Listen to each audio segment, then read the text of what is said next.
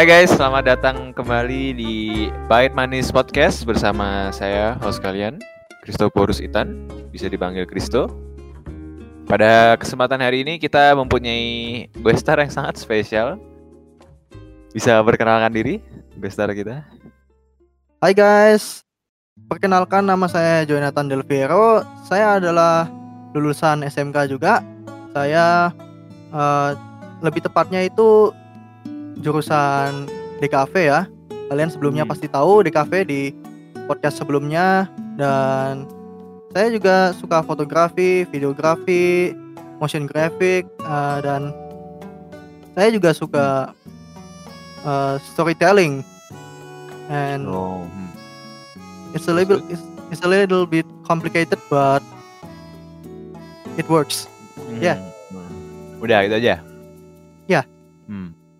Jadi John ini temanku di SMK ya, sekelas ya di DKP ya. Yep. Hmm. John ini benar-benar passionate banget nih sama videografi, sama dunia-dunia desainnya nggak sih? Bener bener. Hmm. ini John, topik Ya. hari ini, topik hari ini kita ini nih seru banget nih, yaitu oh ya btw dengar-dengar kan kamu magangnya kan dulu di Jakarta kan dulu Hmm, iya betul. SMK kelas 2 kan magang kita Iya, itu. kok kamu tahu sih? Iyalah, sangat tahu, semua tahu lah. Iya, iya. Nah ini nih topik hari ini gimana sih kehidupan merantau di Jakarta tuh kayak gimana? Gitu. Oke. mungkin keluh kesah kan ya terus pahit manisnya itu seperti apa kehidupan di sana Hmm, oke oke. ya mungkin John bisa cerita dulu Eh, awal mulanya bisa magang di Jakarta tuh gimana ceritanya awalnya Sebelum kita menceritakan uh, kehidupan merantau di Jakarta, aku mau jelasin dulu uh, aku mau jelasin dulu backgroundku ya sebagai perantau ya. oh aku ya selama aku selama 17 tahun sudah merantau di berbagai pulau bersama keluargaku. Uh, itu di mana aja hmm. tuh di mana aja tuh Nah, itu sudah terjadi sejak aku bayi ya. Jadi Oh, aku pernah ya. merantau di beberapa pulau seperti Kalimantan, Sulawesi, Pulau Hmm. Jawa, dan Pulau Kupang juga pernah. Eh, Pulau Oh. NTT juga pernah. waduh berarti udah ada banyak pengalaman multicultural ya Iya, Hmm. ada upside dan downside-nya juga sih sebenarnya. eh gimana tuh upside upside and downside nya Upside-nya kalau kita sering merantau atau istilahnya nomaden lah ya, Ah, itu kita bakal mendapat pengalaman yang banyak gitu. Jadi kita bakal mempelajari kultur-kultur. Jadi di, bahkan istilahnya itu seperti eh, setiap beberapa kilometer kubik itu di Indonesia, setiap beberapa kilometer kubik di Indonesia pasti orangnya beda-beda. Oh dari budaya ngomongnya Ya, biasaannya juga ya dan Hmm. kelebihan selanjutnya itu adalah kita punya banyak teman ya. Jadi temannya kita tuh bisa sampai 100. Itu tergantung seberapa banyak eh, seberapa kali kita pindah sekolah ya. oh gitu Hmm, dan downside-nya downside-nya cukup obvious sih. Pasti kita di umur-umur segitu kan kita harusnya sekolah eh, lancar-lancar aja ya. Mm-mm. Tapi eh, dulu sekolahku nggak seperti itu. Aku selama tujuh selama 17 tahun itu aku sudah pindah dari sejak TK ya. Hmm. Hmm. Pindah-pindah pulau Lama gitu. banget ya. Lama banget ya. Iya. Jadi jadi downside-nya itu seperti ini. Waktu aku di Kalimantan sama waktu aku di Jawa itu tingkat apa? Itu kualitas pendidikannya beda gitu loh. Oh, Ya, be- beda banget deh. ya beda banget. Bedanya Jadi dari, kayak- ap- dari apa John? Bedanya emangnya? Bedanya itu sudah pasti budayanya pastilah. sama Ah, bedanya itu bedanya itu juga pasti budaya lah ya. Dan oh. dari ininya pendidikannya. pendidikannya wah, pendidikannya sangat beda. Bener. Beda banget itu. Hmm. di satu sisi eh, sekolahku dulu waktu SD itu eh, benar-benar nggak serius sih dalam mengajar anak-anak. Jadi anak-anaknya tuh semuanya pada Apa ya belajarnya santai banget gitu. Tapi nilainya ditinggi-tinggiin sama sekolah. Ini Oh, sedikit gitu? mengekspos Masa gitu ya. Oh, iya. Agak melenceng gitu. iya. Dan ketika aku pindah ke sidoarjo ke Jawa Timur aku merasakan hal yang sangat beda gitu mungkin seperti eh, logat-logatnya tata keramanya dan pendidik apa value nilai nilai value pendidikannya itu berbeda juga. Contohnya kalau di kalau di sana dulu ya dulu waktu masih SD di Kalimantan. Kalau di Kalimantan itu dulu eh, aku ya datang ke sekolah ya belajar aja terus main. Kebanyakan main sih malahan Hmm. dan kalau dan kalau di sementara kalau di sementara kalau di Surabaya atau di Sidoarjo itu pendidikan karakternya itu memang benar-benar main. Benar-benar.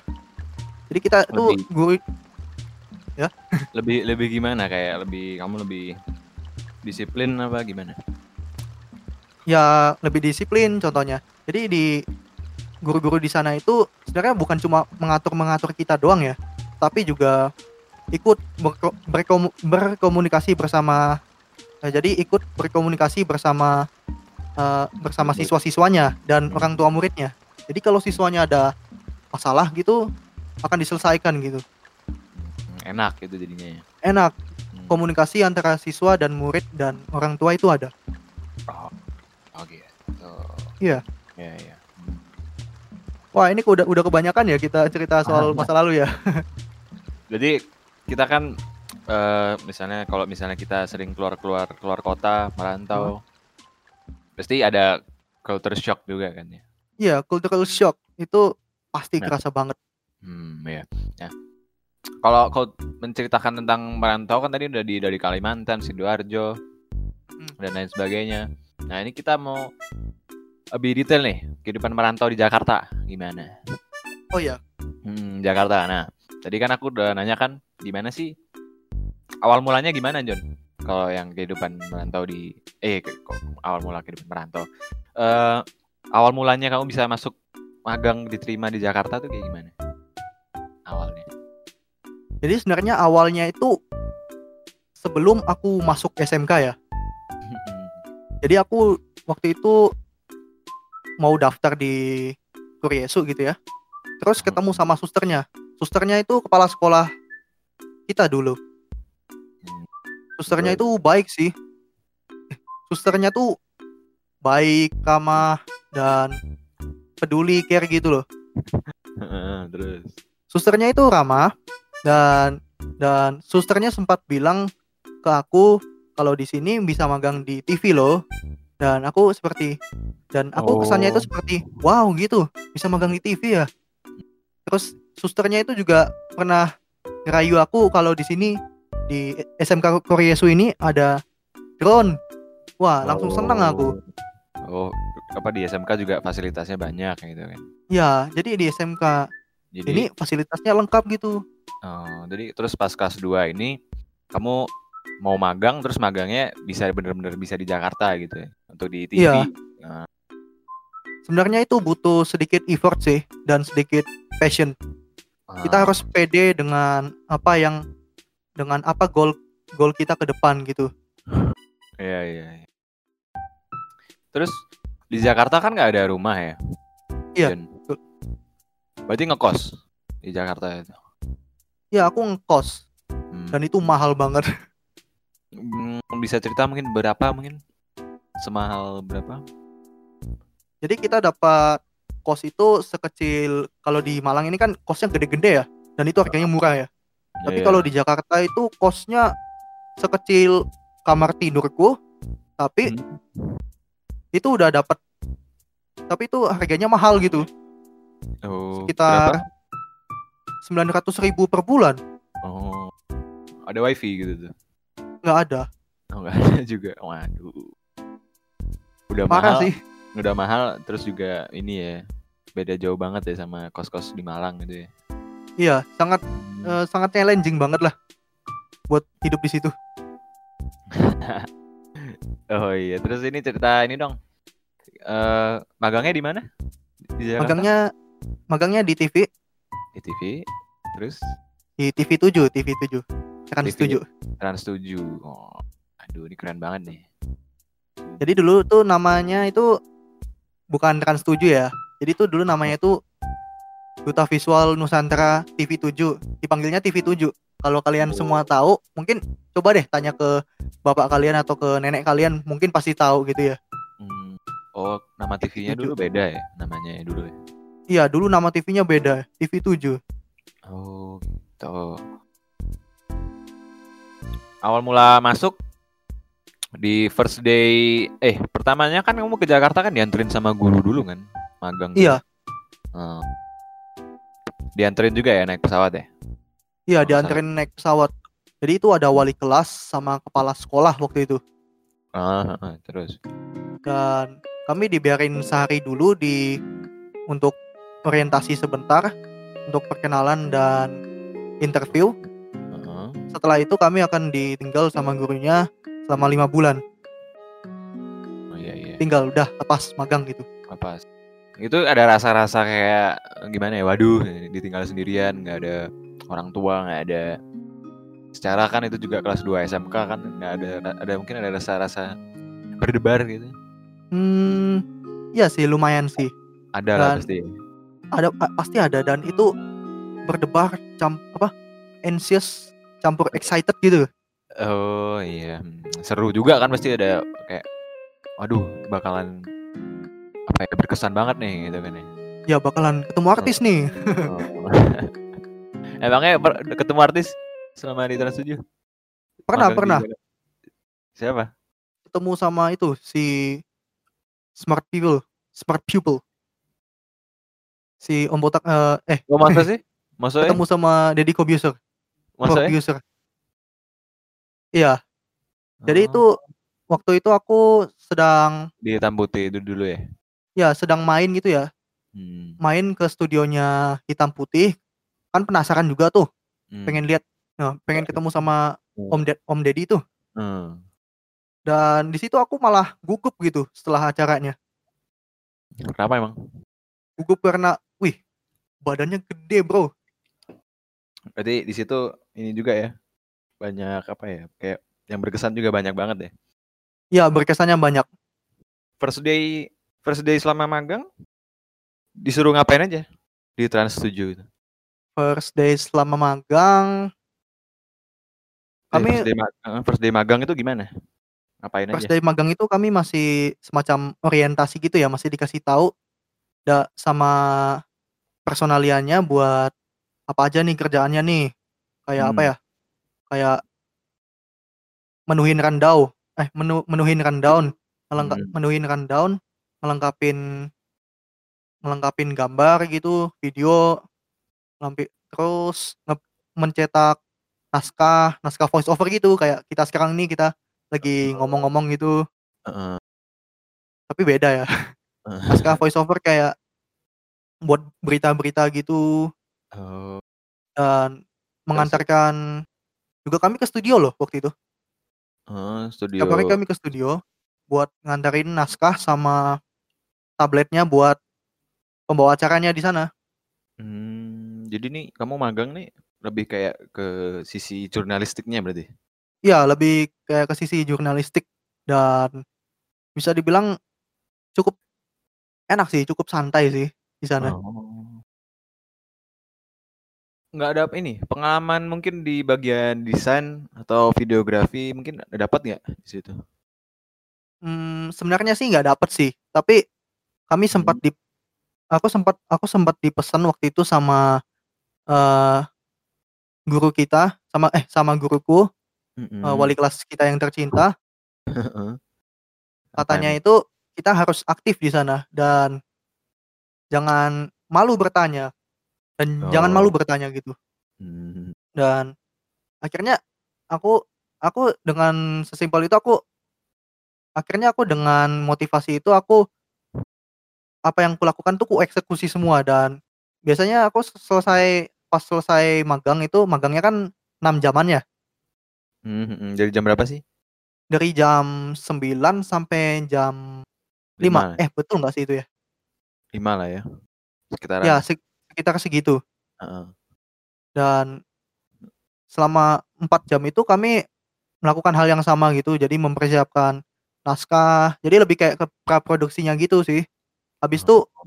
kami distribusi semua naskahnya ke tim studio, itu Mhm. sekitar pukul 3 apa 4 gitu ya. Dan Oh, habis itu jadi studionya live, Heeh. setelah live kami langsung balik ke kami langsung balik ke kantornya kami, dan Mhm. kami di situ udah boleh pulang sih. Oh, jadi Nah setiap hari the same routine berarti? The same routine. Nah, tapi di situ ada enaknya sih. Dengan the Apa ya? same routine kita nggak akan sibuk dengan mungkin tugas seperti tugas-tugas desain di sekolah ya. Kita Mhm. pulang sekolah kita tetap ada tugas atau PR gitu. Tapi Mhm. kalau di sini enggak. Di sini kita kayak enak banget gitu. Kayak sudah apa kayak pekerjaan di hari ini cukup untuk sehari ini aja. Oh. Besoknya ada pekerjaan lagi yang sama. Oh. Ya kerja ya, Dan kerja kerjanya ya di tempat kerja aja, di rumah ya istirahat gitu kan. Ya gitu. Jadi lebih ke arah profesionalisme gitu. Jadi Heeh. kayak kita eee, perusahaan butuh kita, tapi kita juga punya waktu dong buat me time, buat istirahat gitu ya. Jadi Hmm. perusahaan nggak menganjurkan kita untuk kerja lembur. Mmm, terus-terusan kerja terus gitu ya.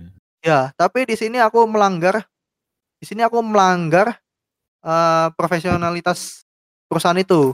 Eee, Wis. apa? Bukan Pelanggaran ngapain? bukan kayak melanggar sih, lebih kayak, eee, peng lebih kayak mencari pengalaman gitu. Mhm. Jadi setelah setelah aku magang gitu, setelah selesai magangnya, Iya. jam 5 gitu, aku biasanya pulang dulu terus makan dan eh, enggak enggak enggak. Aku biasanya keluar dulu dari kantor terus makan Mhm. makan malam, habis Mhm. itu aku balik lagi ke kantor. Ngapain? Nah, di kantor itu, nah seperti yang kamu bilang kan tadi, eee desain di sana itu dapat dapat di sana itu dapat yang berhubungan desain nggak gitu. Heeh. Nah, di situ aku mulai pergi ke pergi ke divisi lain gitu. Jadi aku waktu itu Oh. pergi ke divisi desain ya, ke divisi desain sama multimedia gitu. Mmm. Di sana itu aku berkenalan, sosiali apa, bersosialisasi Eh, sama karyawan-karyawannya. BTW, kalau kamu kalau ada divisi Hah? multimedia sama desain, kamu masuknya di divisi apa tadi? Divisi news, berita. Oh, lebih fokus ke situ berita ya? Iya. Oh, terus terus lanjutin gimana tadi? Di sana itu aku. Balik ke ini, kamu masuk ke divisi lain yang desain dan multimedia tuh gimana? Ya, di sana boleh itu boleh emang ya? Nggak ganggu apa kamu? Kan mereka lagi kerja Mmm. juga. Nggak gang apa, katanya sih nggak apa-apa sih. Katanya eee, sebenarnya nggak apa-apa sih sama itu, di sana sama orang-orang di sana. Karena karena bagusnya kita magang di Trans 7, di sana itu open for learning. Jadi semua Oh, beb magang di sana itu mhm. kita bisa belajar sesuka mungkin, sebanyak mungkin. Dan Bahkan pernah Heeh. bahkan pernah waktu itu produsernya nah kebetula bahkan waktu itu pernah produsernya bilang ke aku, "Curi semua ilmu ilmunya, Jo," gitu. Oh, berarti kit eee, di di Trans itu juga karyawannya welcome banget ya kalau misalnya ada anak magang mau belajar gitu ya? Iya, mereka welcome Oh. banget dan mereka sangat menge sangat mengak sangat mengapresiasi dan sangat menghargai anak Oh. magang yang aktif di sana. Iya Jadi iya. anak magangnya sebenarnya di sana itu karena kerjanya santai, anak Mmm. magangnya juga nggak tahu mau ngapain gitu ya. Mmm. Jadi hal kedua yang paling penting adalah sering bertanya kepada Mmm. kepada karyawan-karyawan di sana. Bisa saya bisa eh, contohnya seperti ini. "Saya Mmm, bisa ngapain ya, Kak? Saya bisa bantu apa, Kak? Kak Kak, saya boleh belajar ini, boleh belajar itu." Mmm. Gitu. Iya. Nah, itu pasti nah itu pasti karyawannya tuh sangat suka lah anak yang kayak gitu Oh. ya, anak magang yang kayak gitu. Dan mereka bersedia untuk memberi banyak informasi gitu, memberi Oh. banyak, eee, pelajaran kepada anak magang dan mereka Bersedialah ya? iya. Heeh. Pernah sempat waktu itu aku aku baru hari baru minggu pertama ya. Mhm. Baru minggu pertama aku udah pakai cara apa, cara cara cara itu Oh, cara itu tuh cara ini, maksudnya aktif gitu maksudmu? Oh, ya. Aktif untuk bertanya, aktif untuk belajar gitu? Waktu jadi waktu minggu pertama itu, aku itu langsung harus aktif gitu. Jadi kayak Mmm. sudah mulai tanya-tanya, mulai sering curiosity gitu, kayak Ah. penasaran. Kak, hari nggak nggak cuman diem aja gitu ya? Ya, nggak cuma diem. Biasanya kebanyakan, eee, kesalahan anak magang selama magang itu diem doang gitu dan tidak Mmm. aktif bertanya. Diem tolak-toleh gitu ya? Ya, jadi usahakan Nganggur ya? kita ya Mmm. nganggur gitu. Jadi jadi usahakan kita kayak, eee, kita kan ke sana buat belajar ya. Jadi kita Mmm. usahakan buat sering nanya, curilah ilmunya sedak Iya. setidaknya gitu. Menggunakan waktu selama magang itu menjadi waktu yang benar-benar di mana kamu bisa memaksimalkan apa ya, eee, untuk ya untuk mencari ilmu gitu kan? Nah, iya gitu.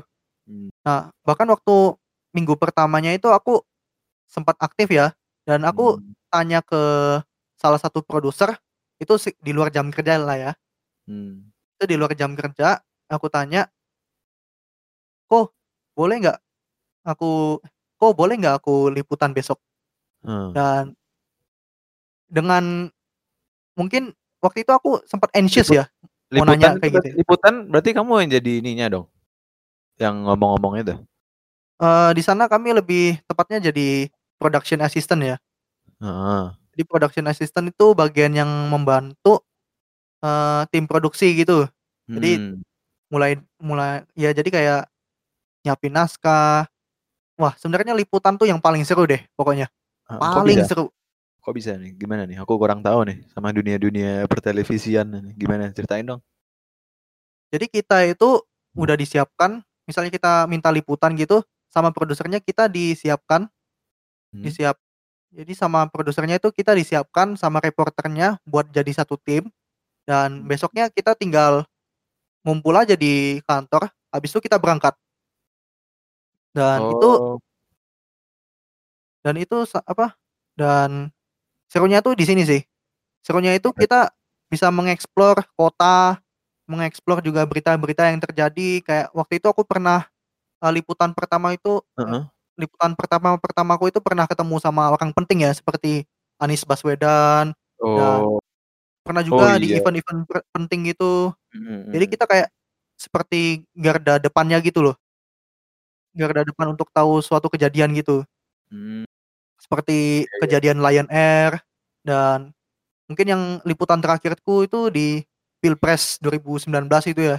Mmm. Ketemu Pak Jokowi sama Pak Prabowo, habis itu di sana wah itu Oh. paling seru deh kalau yang liputan terakhir itu. Untung ya kamu, apa, menawarkan diri untuk ikut liputan ya? Iya, jadi di sana karena terlalu aktif Heeh. Akunya kadang terlalu aktif ya. Jadi aku itu sempat ditanyain sama personaliaku, "Kamu ke mana aja, Jon?" Oh. "Saya liputan, Kak." Jadi kayak eee, personalianya tuh nyariin aku gitu loh. Jadi Eee, kayak ke mana aja gitu ya? "Ke mana aja? Kamu banyak banget liputannya minggu ini." Eee. "Iya, Kak, aku ditawarin nih, ditawarin Iya. sama reporternya nih, 'Ju, ikut Oh. liputan aja.'" Oh. Nah gitu. Ya ya kayak nakal gitu sih, aku sempat nakal Oh. di di TV sana. Tapi kan boleh kan, katanya belajar boleh. Iya, At least belajar boleh. Tapi meski tapi, ja liputan itu termasuk di luar ini nggak sih, di luar apa di luar apa itu yang jadi kan selama kita ma sebelum magang kan ada job Iya, kayak di luar job job kami gitu ya. heeh. Itu di luar banget kan sebetulnya liputan itu? Itu sebenarnya ya Apa masih masuk? sebenarnya masih masuk sih, cuma itu ya antara dimasuk antara masuk dan di luar. Itu di luar di luar apa ya, kayak di luar perjanjian gitu loh. Jadinya Oh. kita itu tugasnya sebenarnya di sana sebagai PA, tapi malah jadi PA-nya tim oh. liputan gitu. Oh, malah ngurusin yang lain gitu ya? Iya. Oh. Tapi sama personaliamu sendiri kan boleh kan? Boleh apa nggak jadinya? Ya Diperbolehkan ya? boleh-boleh aja mak maklum gitu loh. Oh, Maklum. ya nggak apa-apa lah ya, orang belajar juga kan. Masa nggak boleh ya? Iya kayak gitulah. Berarti kalau tadi kan ketemunya sama orang-orang penting eh, Prabowo, terus Jokowi sama Pilpres. Berarti ini kamu magangnya bulan eh tahun 2018 lah ya. Ya bulan 2018 Oktober akhir ya. 2018 akhir sampai berapa sampai ya? Januari awal. Januari Eh. awal. 2019 eh 2019 awal. Oh iya. Berarti benar-benar lagi ada banyak ini ya. Banyak apa kejadian-kejadian gitu ya selama waktu itu ya. Iya banyak kejadian. Jadi itu kayak apa ya? Kayak opportunity gitu loh. Pas banget. Eh, Pas ya, aduh. Pas Pilpres, pas ada kejadian Lion Air tuh ya mohon maaf ya. Lion Hmm. Air tuh juga kasihan ya. Jadi Hmm. berduka juga turut berduka. Hmm. Soalnya aku juga pernah ke spot aku juga pernah ke Tanjung Tanjung Priok waktu itu ke sana. Oh, ke TKP-nya ya. Iya, Oh, jadi dan gitu. juga pernah ke ya untungnya magang di divisi apa? Untungnya magang di program news gitu Banyak gitu. Kita bisa contohnya kita istilahnya itu kayak kita bisa dapat akses buat ke tempat-tempat yang terlarang gitu, restricted yang orang sipil nggak boleh masuk gitu. Hanya orang-orang penting aja gitu. Kayak pernah satu itu aku eh kayak aku pernah satu itu pernah ke Bawaslu ke ke mana itu ke Bawaslu ke KPU kantor Oh. KPU ikut liputan juga. Habis itu aku juga pernah ke ke mana ya? Waktu itu habis itu aku juga pernah ke itu sih ke apa? fraksi? PDIP kantor fraksi Oh. PDIP. Heeh. Di sana itu security-nya ketat sih dan kami itu bisa langsung masuk karena kami aku kami itu bisa Oh. langsung masuk karena kami itu pers gitu. Iya, oh kayak ada pesnya gitu ya. Ya kayak Eh, pres. Nah, dan di situ malah kami di situ malah kok sempat ngopi gitu sama politisinya. Aku pun nggak Hmm. kenal ya siapa politisinya gitu ya. hmm. Oh. Jadi kayak waduh, tegang nih ketemu sama politisi nih. Ngopi Ah. lagi. Oh. Tapi mereka kan ya biasa aja kan juga kan. Iya, mereka gitu. biasa santai gitu. Hmm. Sama itu tuh, siapa? Bu Susi pernah juga Oh, ketemu juga ya. di GBK. Oh. Sebagai di wawancaranya bagaimana pas itu? Trans. Waktu itu waktu itu dia itu lagi itu sih, hari ikan nasional itu ya. Terus? Hari ikan nasional dia tuh masak ikan sama ibu-ibu gitu ya. Dan ya Terus lucu sih. eh, kamu yang liput juga gitu. Ya aku ikut ngeliput. Aku ikut ngeliput juga dan aku juga ikut bantuin timku. Oh, gitu. Sama Berarti- pernah juga Berarti banyak banget ya pengalaman selama magang di situ ya, di Trans 7 itu ya. ya banget. banyak sekali sih. Hmm. Tapi yang paling tegang ada juga yang paling tegang nih. Oh iya apa? Yang bener-bener kayak Ada pernah dua nggak- sih. pernah gak sih pernah gak sih di magang di situ kayak under pressure gitu bener-bener full gitu kayak aduh gimana nih harus gimana nih bingung banget gitu kan. pernah Oh, it- oh itu terkadang gitu sih. Occasionally. oh nggak terlalu Ya. sering kan Ya nggak terlalu sering tapi biasanya gitu. Soalnya eh, soalnya kadang gambar kadang kami tuh punya trouble gitu kayak gambarnya hilang lah, gambarnya nggak ada. oh, hmm. Habis itu paling parahnya itu paling parahnya tuh satu materi berita akhirnya nggak dimasukin ke live gitu oh karena nggak ada filenya.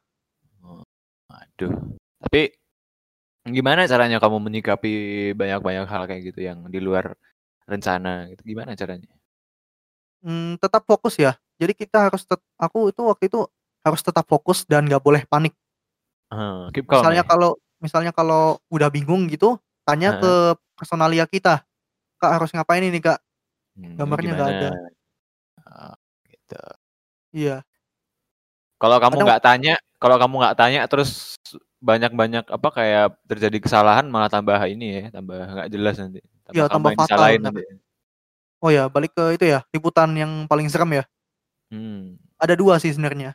Jadi yang pertama itu liputan di Monas. Emang Waktu itu aku nih? liput di Monas itu waktu acara 211 kayaknya. Tauhid Tauhid.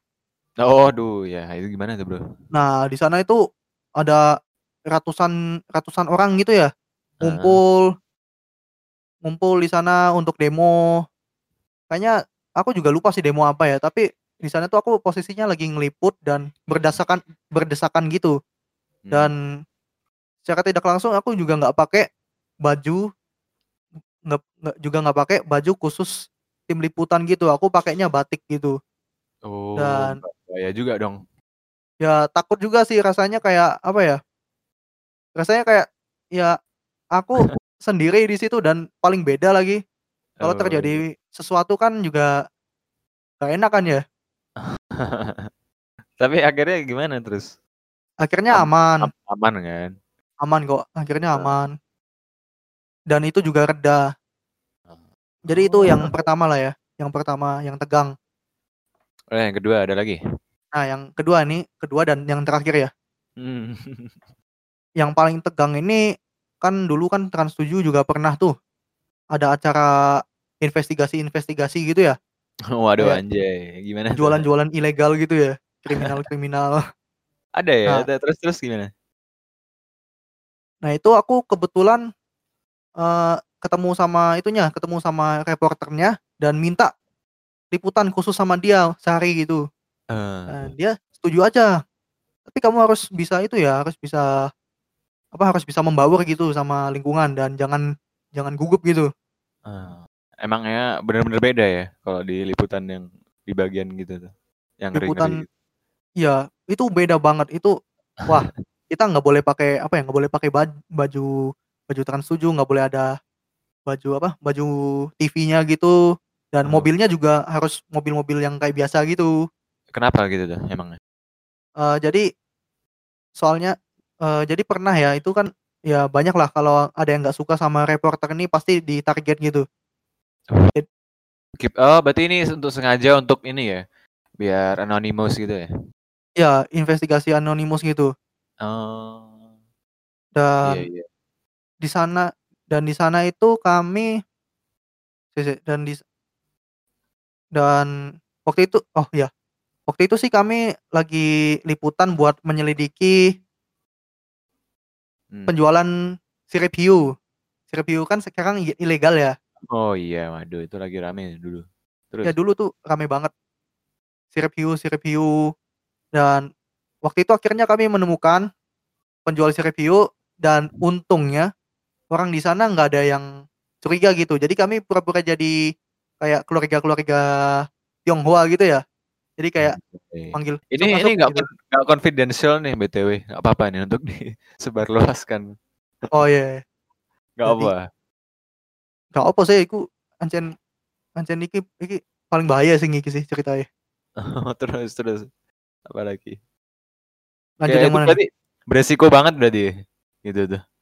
Kalau misalnya tiba-tiba ini apa, tiba-tiba apa, penyamaranmu ter apa, ter terbuka itu gimana udah gagal itu gimana terus? Waktu itu, eee kalau aku dengar cerita dari reporternya ya yang sering investigasi kayak gitu ya, dia itu Hmm. pernah disuruh pernah dia sempat ketahuan karena pakai HP ngerekamnya, Heeh. habis itu dia dibilang sama penjualnya, "Mas Mas" "tolong matiin ya HP-nya ya, nggak usah direkam." Terus Mmm, pernah juga dia pernah juga dia dikejar sama warga gitu karena buat menginvestigasikan hal-hal tersebut gitu ya. Oh. Dan pernah juga dia pernah juga dia hampir ditangkap. Oh. Dan pas ditangkap itu, tips-tipsnya itu diem aja, jangan kasih tahu kalau kita dari TV mana atau apa gitu. Oh. Soalnya ini kayak sudah semacam hidup dan mati gitu. Oh. Beresiko banget ya. Resiko banget, bener. Oh. Tapi seru juga sih, dapat pengalaman yang risky gitu ya. Mhm, iya sih, iya iya iya. Lumayan lah ya ada kayak experience di kayak kayak gitu tuh kayak bener-bener unik nggak sih menurutmu? Iya, kayak nekat gitu ya. Nekat pol. Wah, ini banyak banget ya ini ya,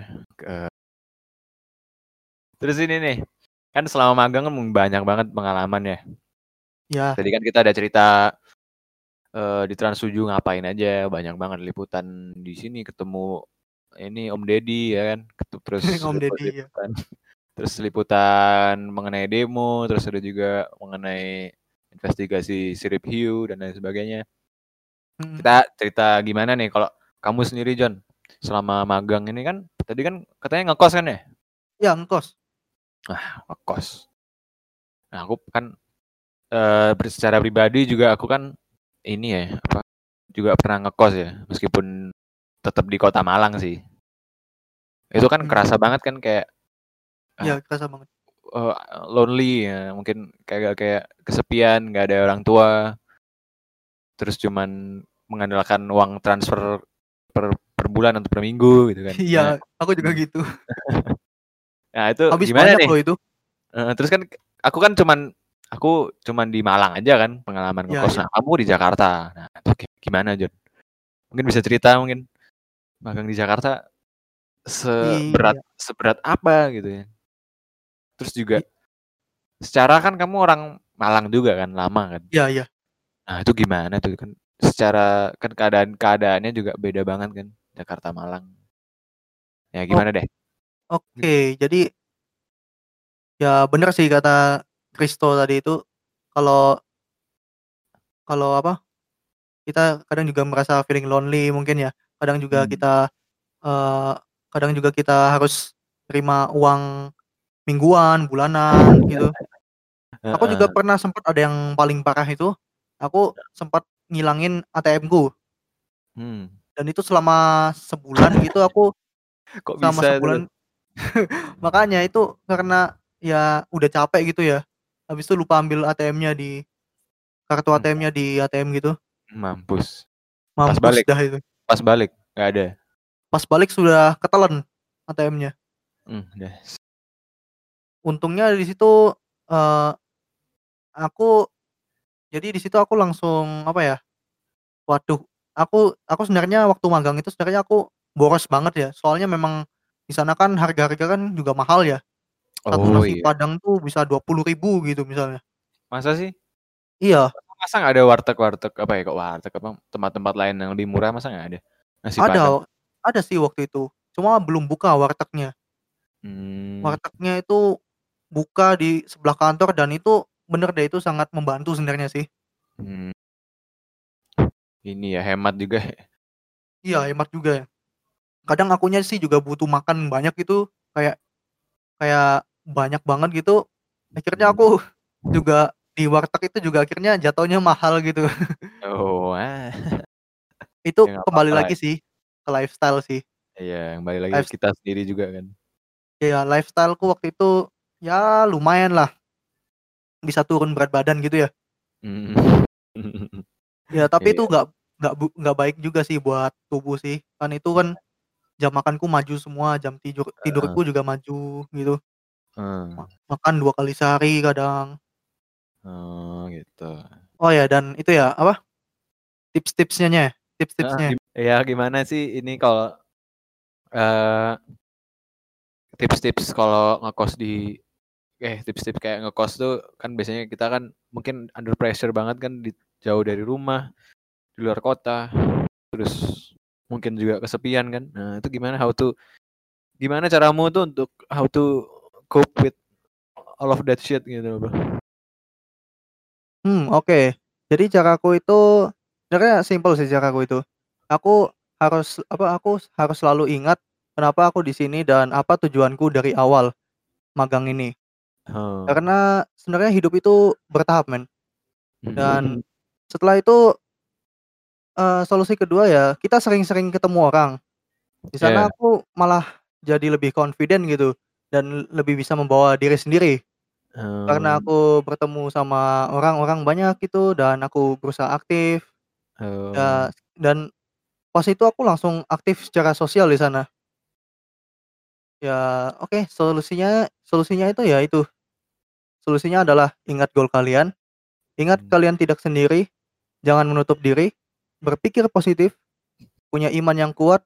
Karena sebenarnya yang membuat kita dapat bertahan sampai sekarang itu adalah anugerah dan kekuatan dari Tuhan. Tetap Anjay. bersyukur dan seringlah beribadah. Beribadah itu bukan rutinitas, tetapi adalah komunikasi dan ekspresi kita kepada Yang Maha Kuasa. Anjay. Well, sebenarnya sebenarnya sejak aku masuk SMK itu aku sudah minta penyertaan sih dengan Tuhan gitu ya. Dan memang benar Tuhan sendiri Tuhan sendiri yang sudah membuktikannya kepada aku dari magang sampai gala dinner. Waduh, gala dinner apaan emang? Gala dinner itu selalu apa ya?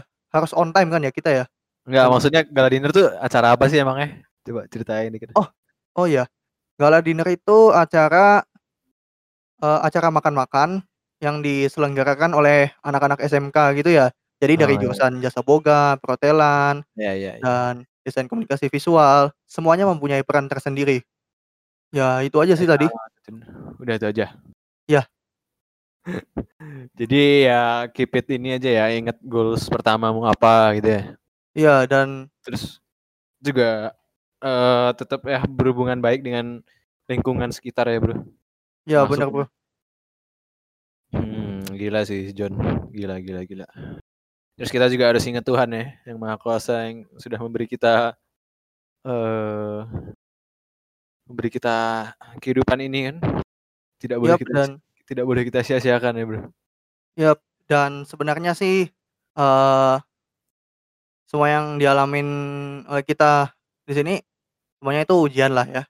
Ujian dari Tuhan mungkin suka duka dan mungkin eh banyak ujian kesalahan atau gimana gitu kitanya sendiri. Semuanya Ya. kita alamin itu semuanya adalah proses dari Tuhan dan itu sendiri udah terbuktikan lah sama eh, terbuktikan lah dalam hidupku gitu. Dan aku dan aku ya mengakui ya Tuhan itu ada dan iya dan Tuhan itu masih apa? Tuhan itu mau yang terbaik buat kita, Tuhan itu sayang Ya. sama kita. Jadi percayalah itu karena pasti akan ada yang terbaik menunggu di depan sana. Yoks. Yo, Believe in yourself. Yoks. Gila, gila, gila. Jonathan Del Viro, guys. Gila. Ya. Jadi kita tadi kan awalnya ngomong ini kan eh, how to kalau misalnya di cost under pressure atau gimana. Heeh. Terus Kita juga tetap harus ingat Tuhan ya. Iya, Yoks. Is in control. Iya sih, memang sih kadang aku juga dulu magang itu apa ya? Eh, aku kan dulu magangnya di Bali kan ya. Heeh, iya. Jadi tuh kadang aku sampai eh, terlalu lupa diri gitu kan. Hmm. Terus di magang juga bener-bener keadaannya kan kamu kan kerjanya juga sama orang-orang yang berpengalaman, terus orang-orang yang udah lama kerja di situ, mungkin yang sudah umurnya di atas kita juga kan. Iya, benar. Itu tuh aku dulu juga bener-bener ini sih. Meskipun nggak ngekos ya kerjanya, Heeh. tapi ya tetap aja ada kerasa pressure sedikit gitu kan. Aduh, ini gimana nih? Fuck man gitu kan. Iya gitu. Berat gitu kan. Mm. Suasana baru, lingkungan baru ya gitu deh. Pokoknya juga harus di sini ini ya, apa bisa biasakan diri. Iya, biasakan diri. Terus juga cari support kan dari teman, dari guru kan pasti juga nggak mungkin mereka apa namanya meninggalkan kita sendiri kan juga nggak mungkin. Iya, betul. Kita juga disupport kan. Hmm. Dan juga kita dan aku juga selama magang itu kan juga agak-agak eh mungkin kurang berdoa ya. Ah. Habis itu karena eh, fase-fase di mana aku eh bener-bener stres, bener-bener nggak ada kayak sendirian gitu kan di tempat kerja tuh kayak, waduh. Sampai di tempat kerja Hmm. tuh kadang aku sampai ke kamar mandi, kadang sampai duduk aja di WC gitu, diem. Kayak hmm. berat, terlalu berat gitu semua ini. Gitu. Sampai meneteskan air mata gitu loh bro. Pernah. Oh. I'm sorry for that. Eh, dan pada saat itu eh ini bukannya alay lo ya Ah, Tapi- it's okay, it's okay.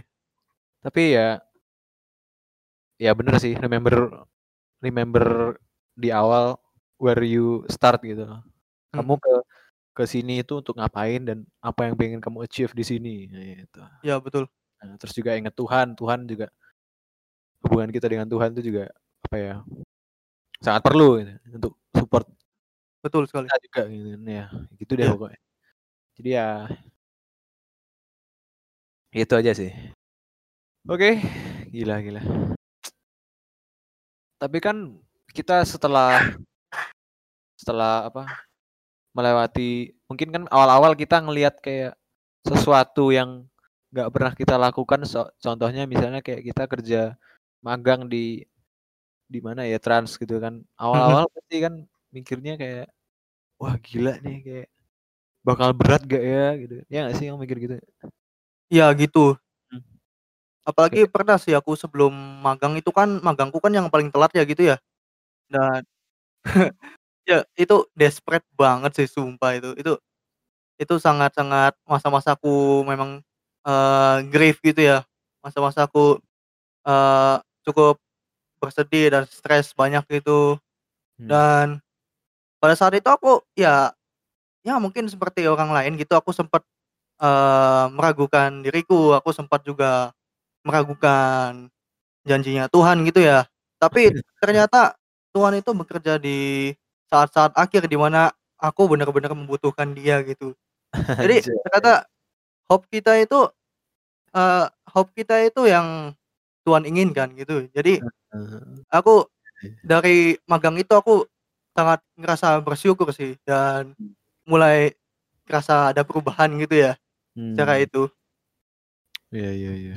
Jadi Jadi ya sempat juga hmm. ada ada suka duka apa ada duka yang sangat dalam dulu ya sebelum magang itu Kayak feeling Mana feeling feeling left behind gitu. feeling left behind ya gitu. Terus terus. Jadi Terus tapi kan kan juga hmm? tapi kan akhirnya kan eh God God itu kayak works kayak in, dif- in a different way gitu. ya. Gitu nggak Yes. sih? Heeh.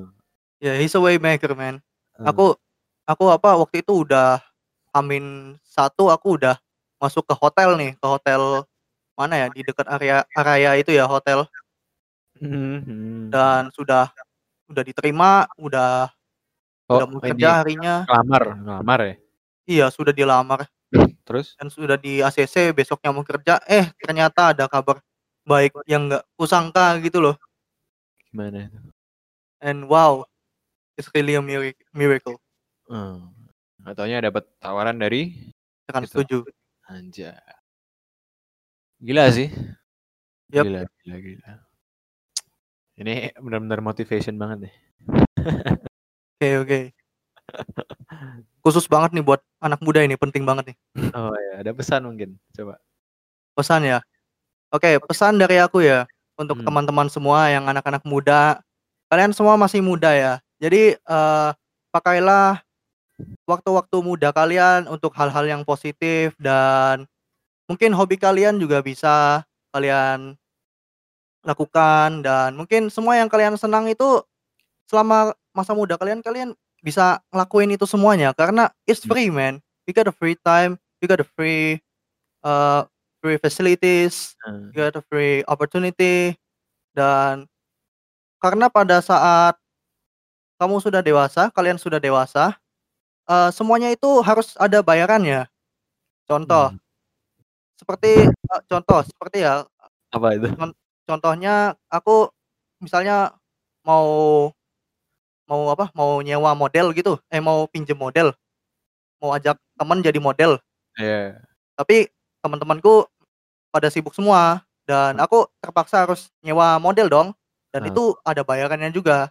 But Oh, in your school while while you ketika kalian masih sekolah, ketika kalian ketika kalian masih muda, hmm. itu opportunity-nya masih banyak dan semuanya Iya. itu masih free karena Iya. kalian sama-sama belajar. Hmm. Ini beberapa ada dua quotes yang aku bisa share ke kalian. Yang pertama adalah Kok believe coba? in yourself. Percayalah sama diri kalian. Kalian Ah. harus pede. Kalian harus bisa bisa menjadi yang lebih baik. Yoks. Dan yang kedua adalah nah, dan yang kedua ini adalah quotes favoritku dan yang kupakai selama tiga tahun di Goryesu. Nah, kalau yang ini adalah quotes favoritku sih yang kupakai selama tiga tahun. Bunyinya begini nih. Experience are experience are expensive because they are the best teacher. But the most amazing experience I had uh, uh, but the most amazing one I had was experiencing Jesus in my life. Anjay. gila, gila, gila, gila. Ya, John. Tapi aduh, mantap mantap John. oh ya dan itu sih eh aku juga mau kasih tahu ke kalian, kalian juga bisa cek itu ya, cek Instagramku Mhm. namanya John Del Piero. Nanti di tag sama Kristo juga. Itu Ya. di sana banyak eh di sana banyak karya-karya fotografiku ya. Sebenarnya aku dulu sempat bikin karya fotografi. Tapi sekarang ku terapkan itu jadi kayak personal blog gitu. Jadi kayak aku Iya, itu iya. jadi Iya, modelnya gitu. Mhm. Ya dasar lah gitu. Oh Nah, ya. T- Eh BTW ngomongin Mhm. yang ini eh selama masa muda sebetulnya sih eh based on my experience juga mhm, eh, selama masa muda SMA SMK ini kayaknya aku juga kurang menggunakan waktuku dengan baik sih. hmm, kayak gimana itu? Rasanya, rasanya kelas 1, kelas 2 itu eh pengen aja "Ah, cepet buru-buru kelas 3 lah, cepet-cepet lulus, cepet pergi dari sini. Oh, Apa I gitu. see. Cepet-cepet lulus, cepet-cepet kerja, nggak peduli deh sama siapa pun. Gitu. Mhm, gitu kan soalnya soalnya kan pas SMP juga udah mulai kayak agak eh, malas-males gitu. Dan jujur dan jujur aku ma- ma- mengambil mindset kayak gitu tuh dan saat lulus sekarang kayak gini agak bener-bener nyesel sih. Yes. Kenapa waktu yang sudah ada tiga tahun kayak gini, di mana I don't have any responsibilities, di mana aku apa ya hanya tinggal belajar terus ngerjain tugas kayak gitu. Kenapa nggak aku nggak menggunakan waktuku dengan dengan baik gitu kan? Heeh. Padahal banyak sekali kayak eh, potential yang bisa aku lakukan gitu. Yes. And then right now I I'm trying to ini, I'm trying to uh, make it all up gitu loh kayak membenahi semuanya gitu loh, Bro. Mhm. Ya dengan cara aku bikin podcast ini termasuk sih. Yeah, Menggunakan this wak- is good man. menggunakan waktu sebaik mungkin juga kan. Yep, this is good. Iya, iya. Jadi ya gitu. Use your time dan opportunity dengan sebaik mungkin ya. Untuk Yup. orang-orang di luar sana. Bener tuh, denger tuh sama Kristo tuh.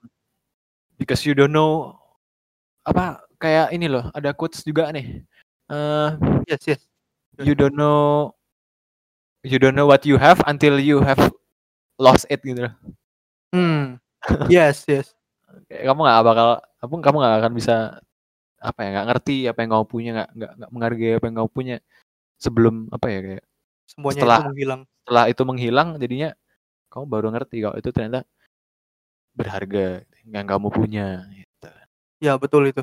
Hmm. Ya gitu deh. Hmm. Nice, Iya. nice. Nice. Oke, That's really nice.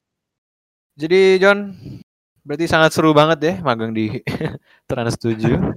Ya, itu anugerah. Termasuk anugerah banget ya. Hmm. Buat portfolio juga bagus lagi ya. Ya nggak sih?